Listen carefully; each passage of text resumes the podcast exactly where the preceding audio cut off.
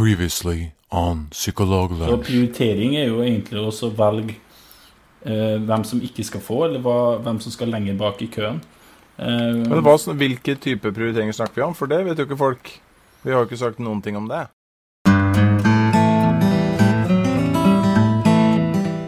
Han har eh, en masse utmerkelser og priser. Det er langt sprang mellom eh, skyttermerket i aluminium til St. Olav, men alltid like fortjent. Det er én pris han ikke har fått, og det er Råfisklagets minstepris.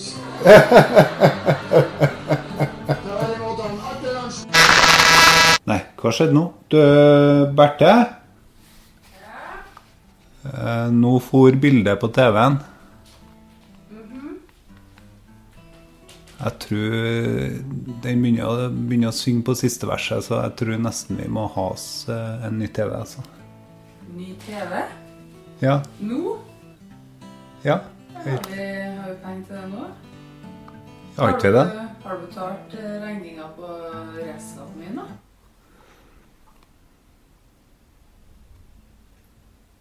Du har det?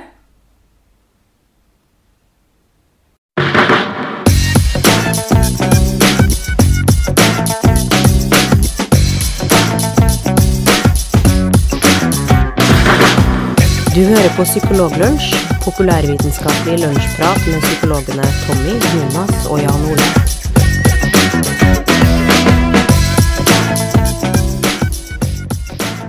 Det er sommer, det er sol, og det er podkast. Og eh, i dag skal vi snakke om så rart som eh, psykologiske behandlinger for bipolar lidelse.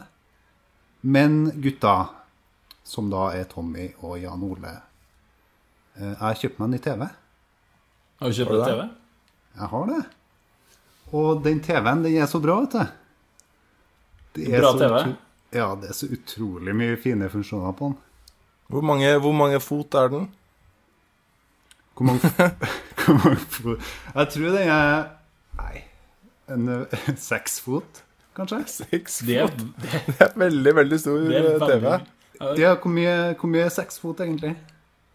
Ja, det vet jeg faktisk ikke. Jo, skal vi si en fot, er ikke det en eh, sånn par og 30 centimeter, Ja.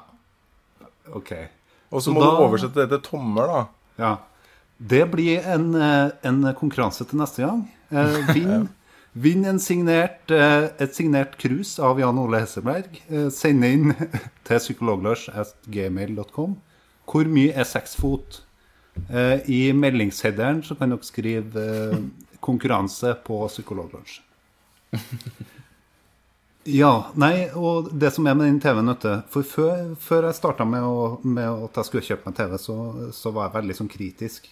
Gikk gjennom sånn din side og, eh, og sjekka nøye da hvilken type TV-er som var lur å kjøpe, og om det var lurt å ha sånn eh, Hva det heter da? Sånn, eh, sånn smart-TV, vet du. mm, Det må du kan ha Netflix og sånn. Ja. Det fant, det fant jeg ut at det, det virka jo smart, men det skal jeg gi litt ekstra for å få det, liksom. ja. Så etterpå så har jeg funnet ut at det var jo helt genialt. Det var magisk med Netflix.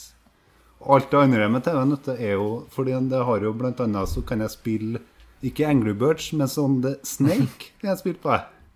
Oi, sånn eh, Nokia Snake. Ja. Det er helt, helt utrolig hva de får For til en, i dag for med en teknikken. teknologi.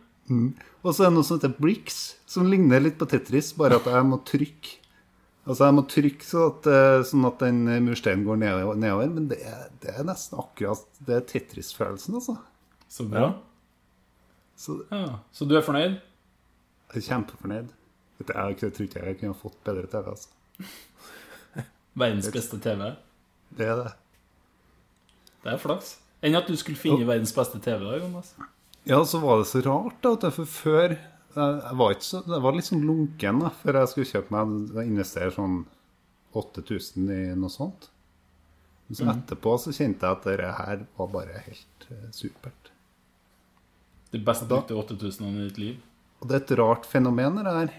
Uh, Ja. Og det skulle jeg egentlig kunne tenkt meg å vite hva er det egentlig som gjør det. Er det, er det liksom at det er noe med menneskets eh, Litt sånn evolusjonsmessig at vi er, at vi er betinga at vi er glad i TV. Og når vi kjøper TV, så, eh, så blir vi så tilknytta til TV-en. Eh, at vi blir så glad i den, liksom. Er det det?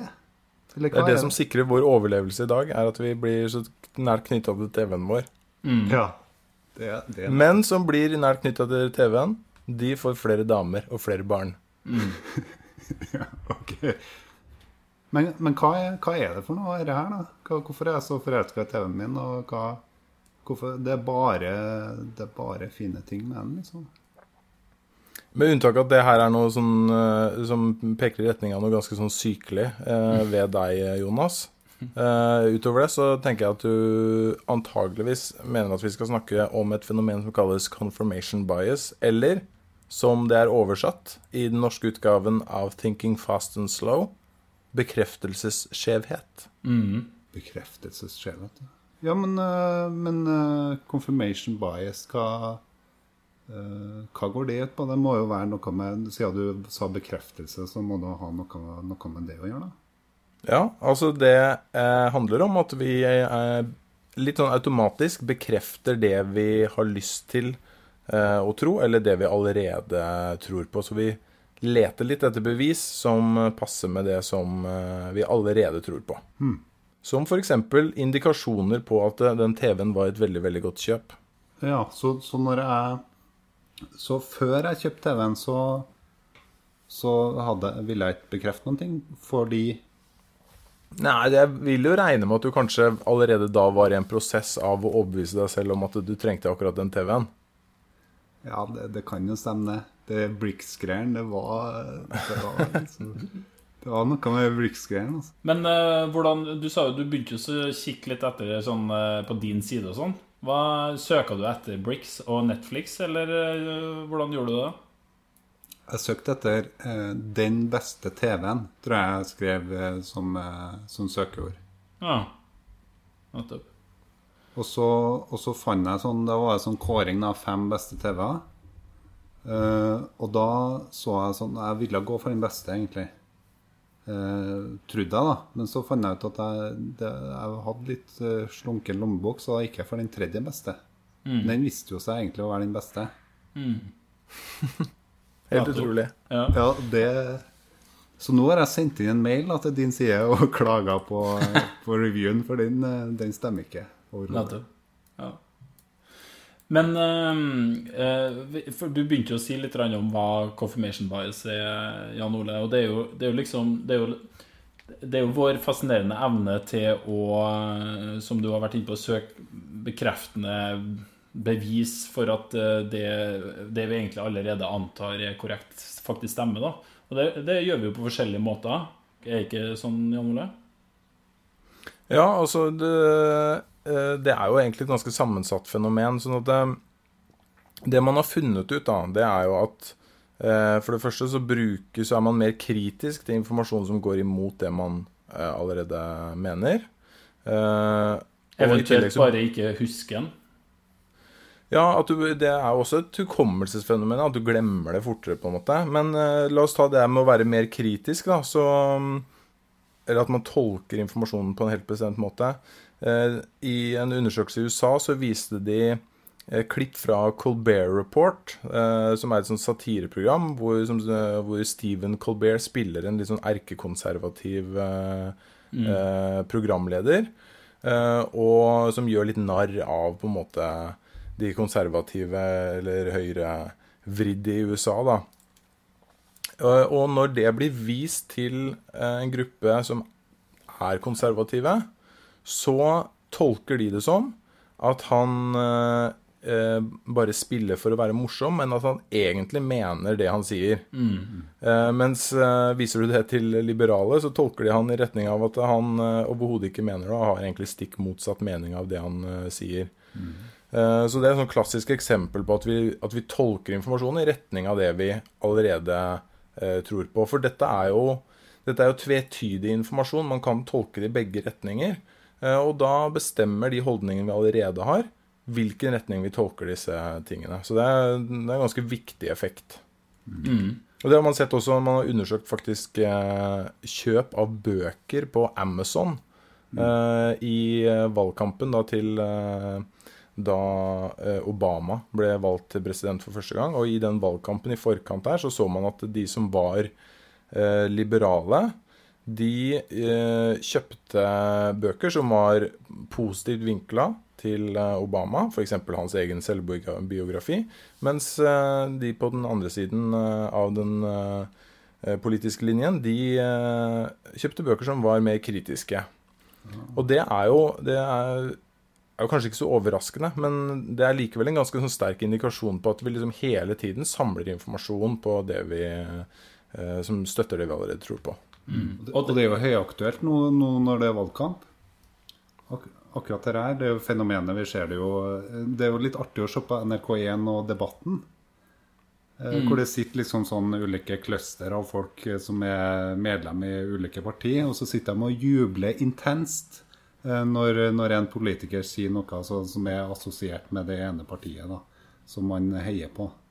Ja. så lytter man ikke overhodet til, til noe de andre kommer med innspill, og klapper i hvert fall ikke for det. Det, det er litt sånn artig, artig greie, så, og veldig irriterende. også. Kjenner dere til eh, programmet som heter Jernstorm? Eh, Det er et svensk program med en, eh, med en svensk psykolog, tror jeg det er faktisk. Ja. Det gikk på NRK og het Vår aktive hjerne. Og der, eh, der gjorde han et eh, forsøk hvor han eh, snakket for to politiske partier i Sverige. Eller to ungdomspartier, da.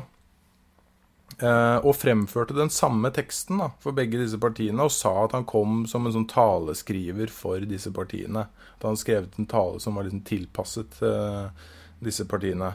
Og begge de ungdomsgruppene rapporterte jo at de mente at det passa liksom perfekt til partiprogrammet deres.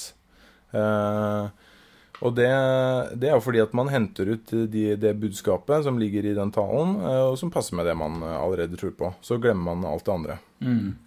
Det er jo fancy, da. Det er jo bra at vi som gruppe, vi da, at vi ikke blir påvirka sånn og, og klarer å holde oss utafor det. Spesielt sånn med det yrket vi har og sånn, at vi ikke har noe Det er veldig, veldig greit å slippe å forholde seg til confirmation bias. Slutta med det for lenge siden. Ja, for at, ikke sant, det, det som Jan Ole og Jonas prøvde seg på her nå, det var en sånn der litt sånn uh, fleipete, spøkete tone. For at eh, det er jo noe som faktisk eh, angår alle sammen. Eh, men eh, For jeg leste en, en studie som, uh, som virka litt sånn interessant i forhold til det her med, med diagnostikk, da. Um, fordi at, ikke sant, når, når man får henvist en pasient, eller når dere skal, i hvert fall hvis dere jobber i psykisk helsevern, så er det sånn at eh, man skal utrede pasienten og se om man eh, finner en diagnose som man skal gi behandling ut ifra. Og eh, det, det er litt sånne ting som jeg tenker Der er det også mulig å begå den feilen, fordi man kan gjerne ha litt sånn ut ifra det som fastlegen har skrevet, så kan man danne seg en, en slags formening om hva det er. Eh, og så litt sånn ubevisst så kan man jo ende opp med å stille spørsmål som, eh, som leder i retning av det man da først har antatt at eh, diagnosen er, da. Eh, og man må jo være litt klar over det her for å prøve å da stille spørsmål som avkrefter diagnosen i stedet for å bekrefte, eller helst gjøre begge deler.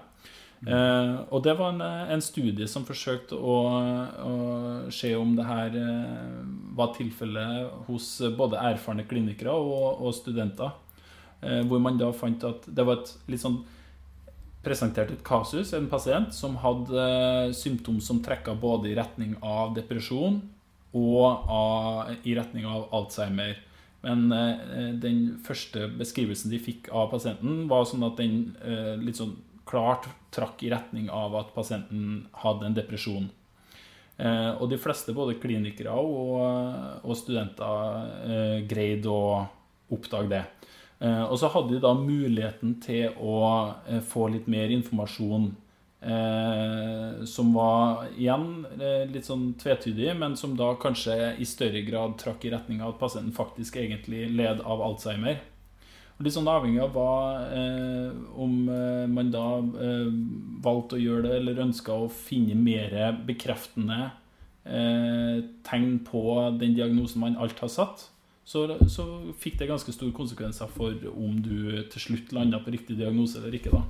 Så, så det tenker jeg er en sånn eh, Det er en ganske viktig del eh, i den kliniske hverdagen også, at man både stiller spørsmål som eh, er bekreftende, men ikke minst som kanskje avkrefter diagnosen. For det får også Ja, det- konsekvenser for behandlinga. da. Det er, det er kjempeviktig, og det, det er jo Man er ganske sånn pressa på tid og sånn, og, og får eh, I hvert fall i mitt tilfelle, som jobber litt sånn pri, helt eh, privat, da, hvor du får en henvisning fra en fastlege, så står det jo ofte en henvisningsdiagnose i den henvisningen. henvisningen. Og da, da har du et ganske sånn klart forankringspunkt allerede.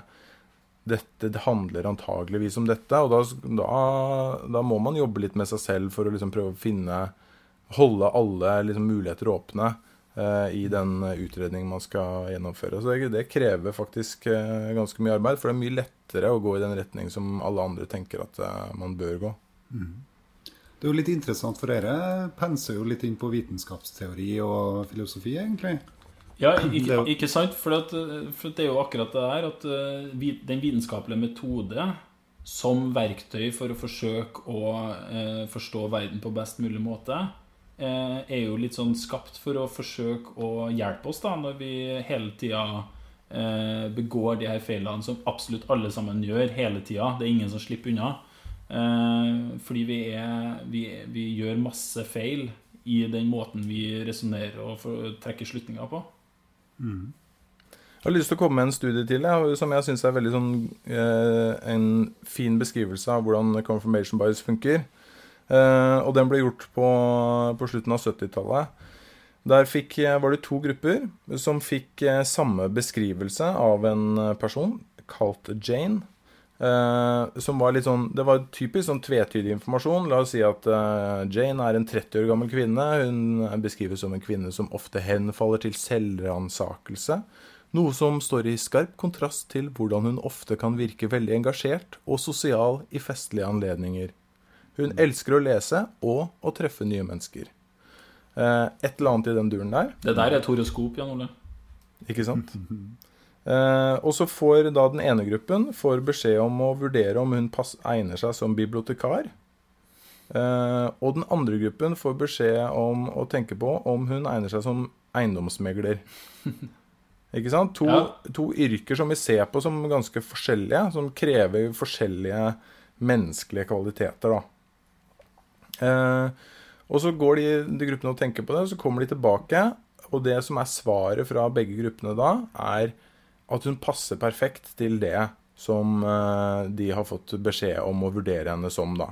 Så de som har fått beskjed om å vurdere henne som bibliotekar, mener at hun passer til det. Og de som eh, har fått beskjed om å vurdere henne som eiendomsmegler, mener hun passer til det. Det morsomme eh, er jo eh, at det, altså det gruppen har gjort der, er å lete etter informasjon i den teksten som bekrefter det de har fått i oppgave å, å se etter. Altså, Hvis hun er, eh, egner seg som bibliotekar, så ser de etter eh, det at hun elsker å lese, f.eks. At hun henfaller til selvransakelse. Men det står alltid det motsatte der også. ikke sant? Hun elsker å lese, men liker å treffe nye mennesker, som kanskje passer bedre med en eiendomsmegler. Eh, når disse gruppene da etterpå eh, blir spurt om eh, hun hadde passet til det andre yrket, så svarer begge gruppene avkreftende. Sånn at Hvis du først har sagt at hun passer til eiendomsmegler, og så får du spørsmål om hun passer som bibliotekar, så svarer man nei. Helt åpenbart ikke. Og det svarer den andre gruppa også. Eh, sånn at det her er liksom en utrolig enkelt oppsett, hvor du får se hvordan den effekten funker. For de har jo ingen eh, grunnlag for å vurdere det ene eller det andre i utgangspunktet. De har bare laget sin egen teori på det ut ifra en veldig begrensa tekst. Det er et kjempespennende fenomen, og jeg tipper at folk kjenner seg litt igjen, eh, igjen i det også-. For vi driver jo på med det hele tida, og det er jo kanskje meninga òg at vi skal vi, eh, Hadde vi skulle ha drevet avkrefta alle hypotesene i livet vårt, så hadde vi jo kanskje slitt oss i hjel, eller? Ja, det er litt viktig, da. For at eh, spørsmålet er jo hvorfor har man i det hele tatt en sånn En sånn felle, en sånn tankefelle man går i, da. Eh, og da tenker man seg jo sånn at eh, hvis vi har det, så kan de i hvert fall ikke ha utretta noe stor skade for oss. Hvis ikke så hadde det blitt luka ut i evolusjonen, da. Eh, og det mange mener der, er jo at eh, det er veldig eh, kostnadskrevende å eh, leve i en tilstand hvor man hele tiden betviler sine egne standpunkt. Eh, og at det er veldig krevende å hele tiden lete etter eh, bevis som går imot det vi allerede tror på. Eh, så da er, bedre, er det bedre å kanskje ta feil, men leve liksom i uendelig selvsikkerhet enn å betvile seg selv hele tiden. Men et annet viktig poeng, det er jo hvordan er det dette fungerer oppi hodet vårt? Ja. Har dere tenkt på det? Nei, hvordan fungerer det her i eh, hodet vårt, eh, Jan Ole Hesselberg? Nei, altså for eh, eh, For å henvise til denne Daniel Kahneman, da. Så Hvem sa det? En psykolog.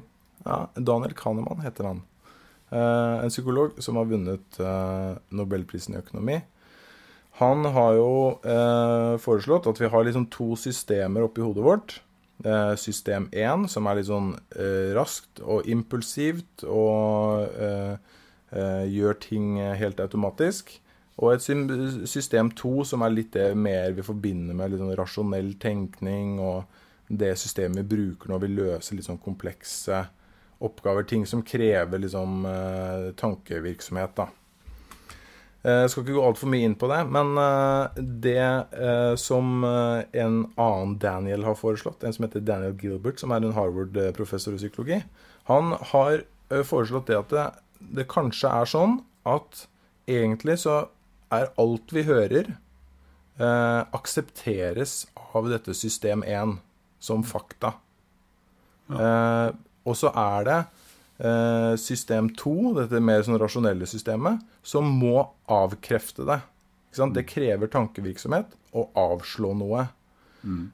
så, og han har gjort noen undersøkelser der f.eks. Hvis, du hvis vi sier 'torsk spiser godteri', så mener han da at dette system 1 aksepterer det, og så sender det eh, på en måte videre til dette system 2, som sier Nja, stopp en halv. Eh, det stemmer ikke. For da må du liksom skanne erfaringene dine litt. Grann. Du klarer ikke å liksom avslå det umiddelbart. Det blir sånn, ja, Noen torsk kanskje spiser godteri, men ikke alle torsk. Ikke sant? Men, men hva, er, det noen sånne spesielle mekanismer som gjør at uh, dere system 2 ikke skrur på, eller uh, ikke slår inn uh, Hos så Jonas. godt, da?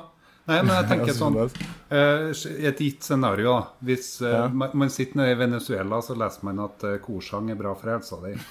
og, så, og så synger man i kor sjøl, og så leser man dette, og så sier systemet 1 Ja, det er fornuftig. Korsang, korsang, korsang. Og så, og så er det da affektene, emosjonene, som gjør at, at system 2 eh, er vrien å få, få i gang, fordi at det er så mye god stemning knytta til eh, korsang Nei. og system 1. Nei, men, ja, men ikke sant. Eh, Se for deg at du synger i kor, da. Og så hører du det. Korsang er eh, bra for alt i hele verden.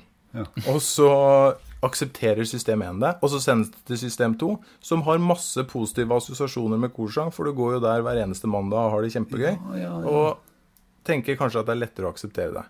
Det er mitt forslag, da. Ja, så, så, Det er Jan Ole Eselberg, 2013. ja, så, så system 2 er liksom For, for du har jo har hørt deg forklare det før, med liksom sånn, sånn sløv tenåring eh, som, som, ikke, som, ikke, som er vanskelig å få i gang, da. Ja. Så hvis En veldig intelligent, men sløv tenåring Ja. er dette system, eh, system 2.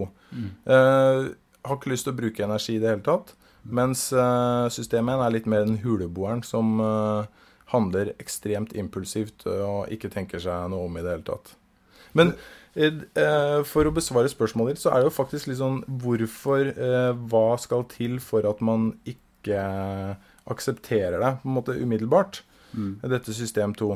Og det eh, gjorde han, han godeste Daniel Gilbert gjorde jo en undersøkelse hvor han eh, sørget for at folk fikk litt sånn overbelastet system 2. Ja. At de måtte løse noen matteoppgaver samtidig som det kom sånne utsagn på skjermen, som f.eks.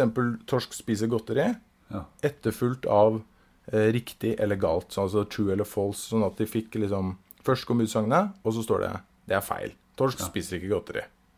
Eh, og hvis folk måtte jobbe hardt med noen sånne regneoppgaver eller noe sånt nå, så eh, når de skulle gjengi de tingene etterpå, så gjenga de langt flere ting som var, ikke var riktig, eh, enn en gruppe som ikke drev med regning. da.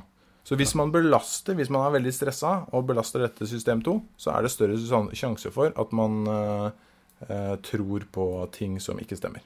Men, men det er utrolig kult. For, for jeg, jeg, oppi hodet mitt så ser jeg for meg system 1 som sånn en hel gjeng, en sånn hel heiagjeng som sier Vi går for det. Dette blir bra.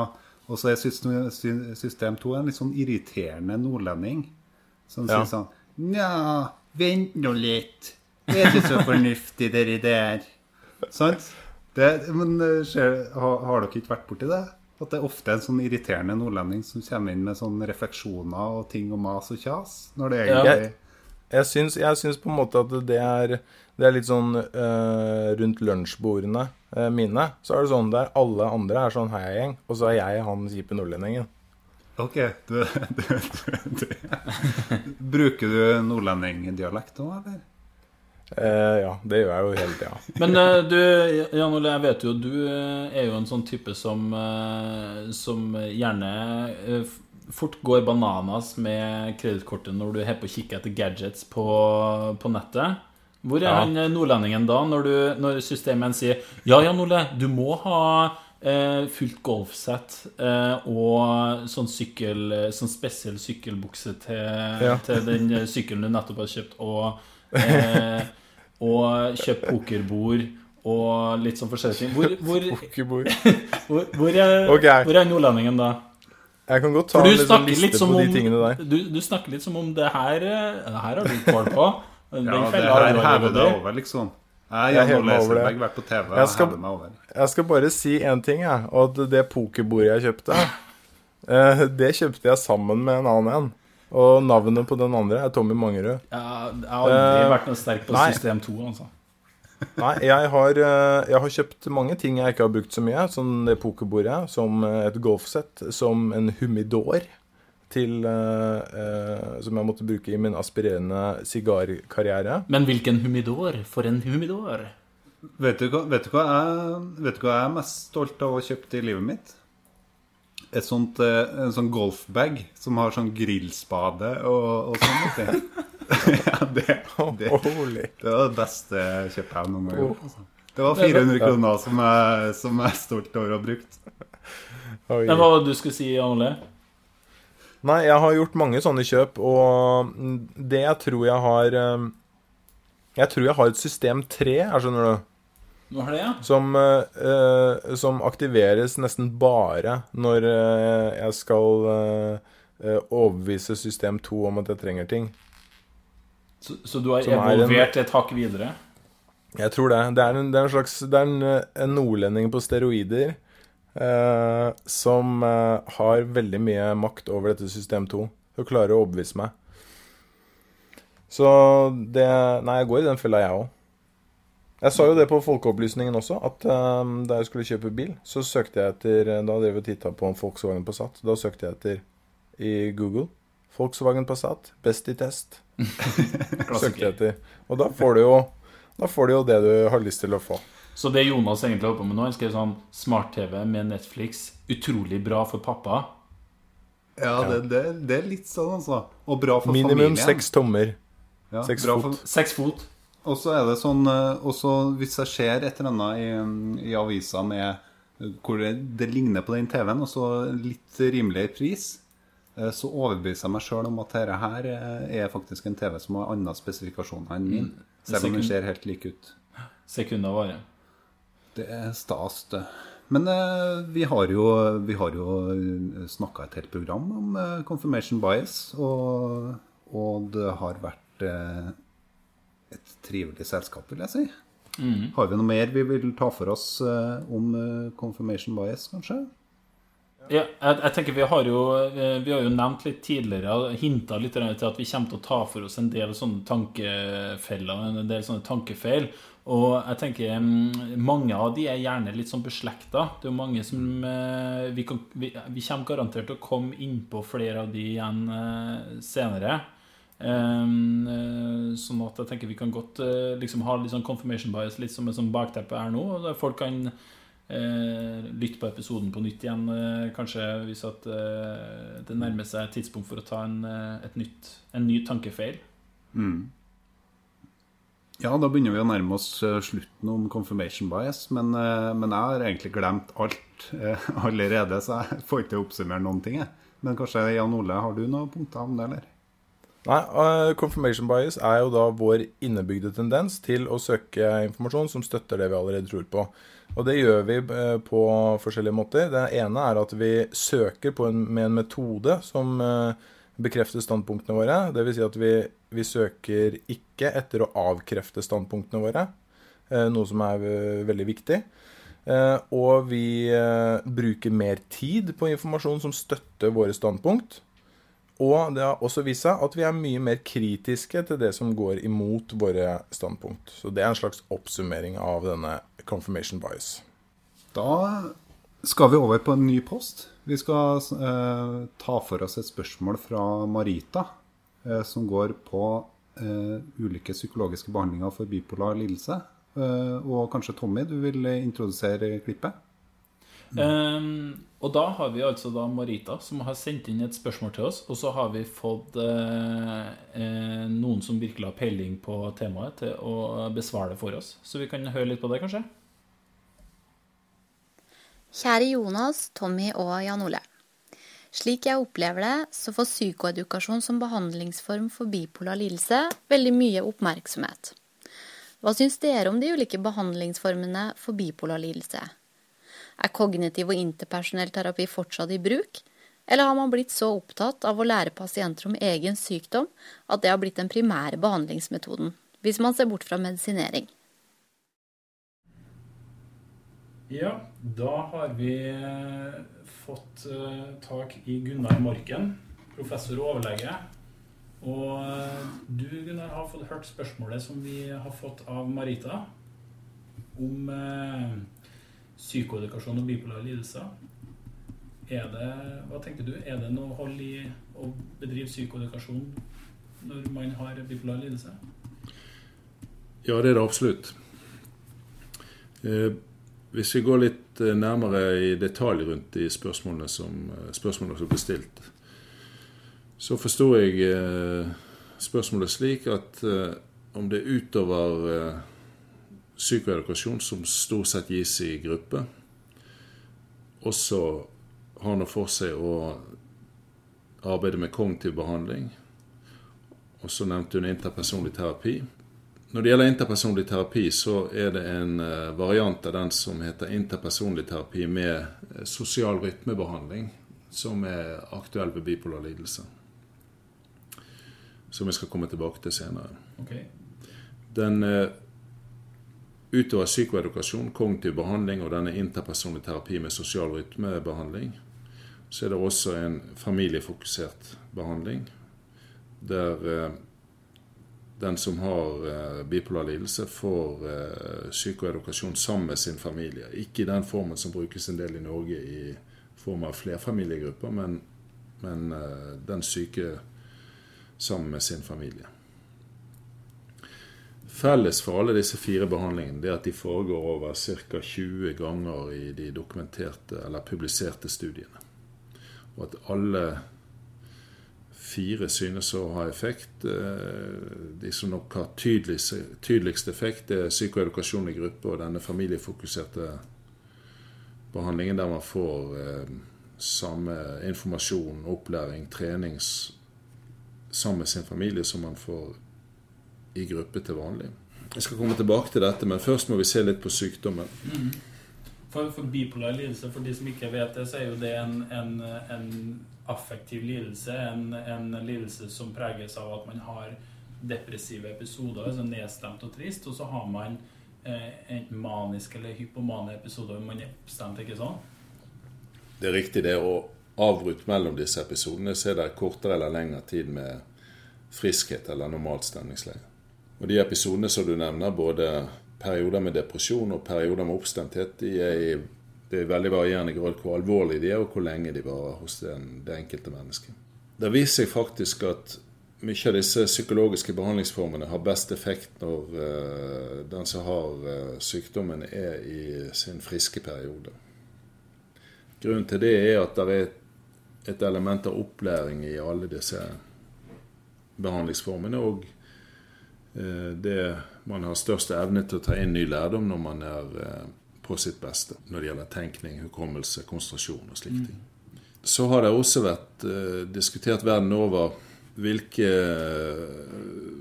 pasienter som er mest mottagelige for psykologisk behandling. Og da ser det nok ut som at disse behandlingsformene som vi har nevnt, alle sammen er ganske krevende på det å få med seg det som blir sagt i timen, og slik sikkert at de synes mest effektive i starten av sykdomsforløpet, altså når man ikke har vært så mange ganger deprimert eller oppstemt i løpet av året som har gått. Jeg vet ikke om jeg skal gå inn og si litt om hver enkelt av disse fire behandlingsformene. Det, ja, det kan du gjerne hvis du har uh, oversikt over det. Men i hvert det som jeg tenker er viktig, det er jo det, hva er det som kanskje skiller den psykoedukasjonsprogrammet fra de, de øvrige? Er det noe som skiller de, eller, de, eller har de fokus på mye av det samme?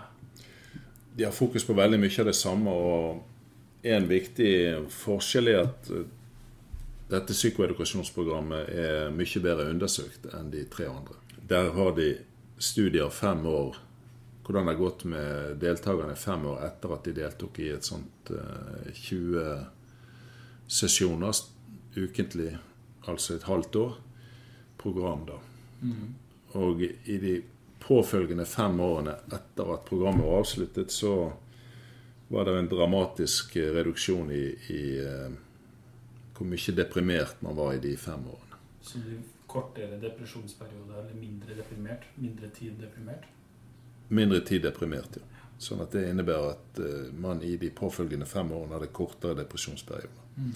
Det var også effekt på, på oppstemte, altså maniske og hypomane perioder, men uh, det er litt av underordnet uh, betydning, fordi at det er i stor grad depresjoner som plager de fleste med denne tilstanden. Mm. Det som jeg lurte litt på, hvis du får til å si litt om det, det er jo det at man har jo fått en del fått den beskrivelsen av, eller opplevelsen av bipolar lidelser som en, biolog, en stor del biologisk komponent i det her med hva som påvirker det stemningsleiet. Hva er det man lærer for noe i de her programmene som gjør at det er annerledes? Fordi det er jo ikke noe jo, jo, her snakker man jo med folk. Og lærer de et eller annet psykoedukasjon. Man får lære et eller annet, tydeligvis. Jeg tror det er en misforståelse som er som en del i din yrkesgruppe sliter med. Nemlig at uh, fordi om en uh, tilstand har en grad av biologisk opprinnelse, så er det ikke påvirkbart av, av psykologiske og atferdsmessige inngrep. Ja.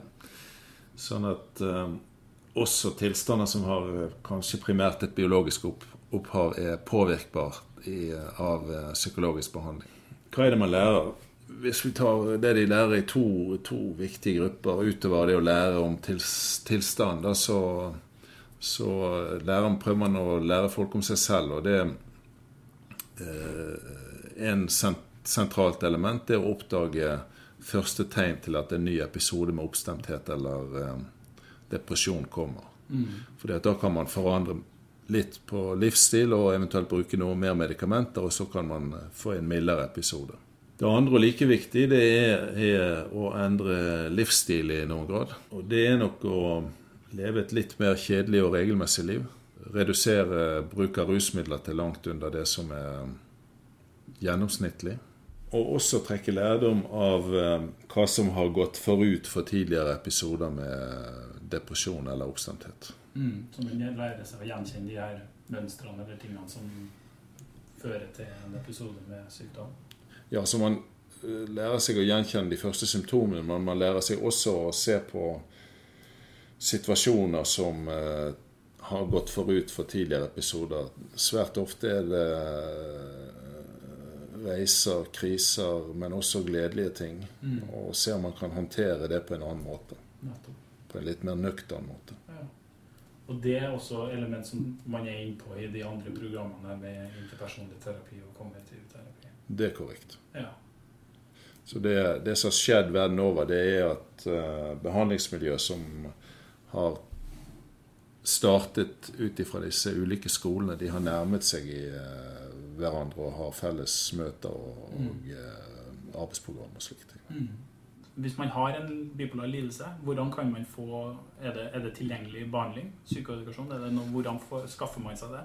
Både i Nord- og Sør-Trøndelag så, så vil uh, de enkelte avdelingene i psykisk helsevern ha kjennskap til hvilke deler av psykisk helsevern som har disse programmene, og kunne søke inn dit. Da. Så man snakker med fastlegen sin eller sin behandler i psykisk helsevern og, og hører om det er noe i nærheten. Ja, så kjenner jeg til. Ja. Jeg vil bare understreke at, eh, til slutt at man må være i god form når man begynner, nettopp for å få utbytte av det. Best utbytte hvis du er i god form når du starter. Ja. Ja. Tusen takk, Gunnar Marken. Takk for at du eh, besvarte spørsmålet. Takk selv. Ja, det var Gunnar Morken om eh, ulike behandlingsformer for bipolar. Um, det var et greit eh, svar, syns vi. Det var det. Før vi avslutter, vi begynner å nærme oss slutten, og før vi runder av for i dag, så har vi lyst til å si For vi var jo innpå eh, rundt confirmation bias, så snakka vi mye om politikk. Eh, og nå skal vi faktisk gå gjennom litt ulike politiske program og se hva de egentlig eh, har å si om, eh, om psykisk helsevern og framtida der. Men vi skal ikke gjøre det sjøl. Vi skal egentlig stille spørsmål. Jan Ole, Mm. du har litt mer om det. Ja, det har jeg. Jeg har skrevet eh, til de forskjellige politiske partiene, de aller fleste som er aktuelle for Stortinget, jeg tror faktisk alle, og spurte litt om eh, hva slags endringer de ønsker i organiseringen av eh, sykehuset og sykehusene, og litt om eh, hvilken rolle psykologer bør ha, og hvordan de vurderer dagens tilbud til mennesker med psykiske lidelser. Så vi har fått eh, inn et par svar allerede, og de andre har sagt at de skal svare. Så det blir eh, spennende å se. Så tenkte jeg kanskje at vi skulle plukke ut de to alternativene vi mener er best, og prøve å få noen intervjuer med de aktuelle partiene. Det blir kjempeartig. Eh, og interessant å høre hva de egentlig har å si, for eh, det har vært veldig lite av det på debatten, synes vi i hvert fall. Eh, før vi runder av for i kveld, så må vi også Eller før i kveld det, Du hører jo kanskje på podkasten på morgenen, og da blir det veldig idiotisk at jeg sier 'før i kveld'. Så uansett hvilket tidspunkt på døgnet du hører her, hvis du hører på vei hjem fra, på vei opp til Bodø for at det ligger noen og venter, eh, og at du kjører E6 eh, da, og klokka er klokka seks på natta, så er det greit for oss. Du kan høre eh, da, da, også. Nå begynner avslutninga å bli ganske lang, eh, så derfor eh, vil jeg bare minne dere på å sende inn et spørsmål til psykologlunsj.gmail.com, eller eh, gå inn på Facebook-sida vår, spill inn spørsmål der. Ja, det var det jeg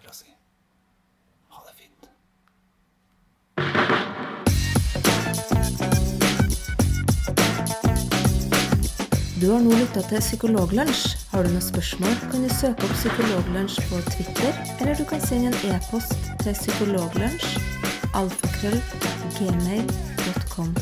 Mer informasjon om temaet du har hørt i dag, finner du på psykologibloggen.no og tankesmed.no.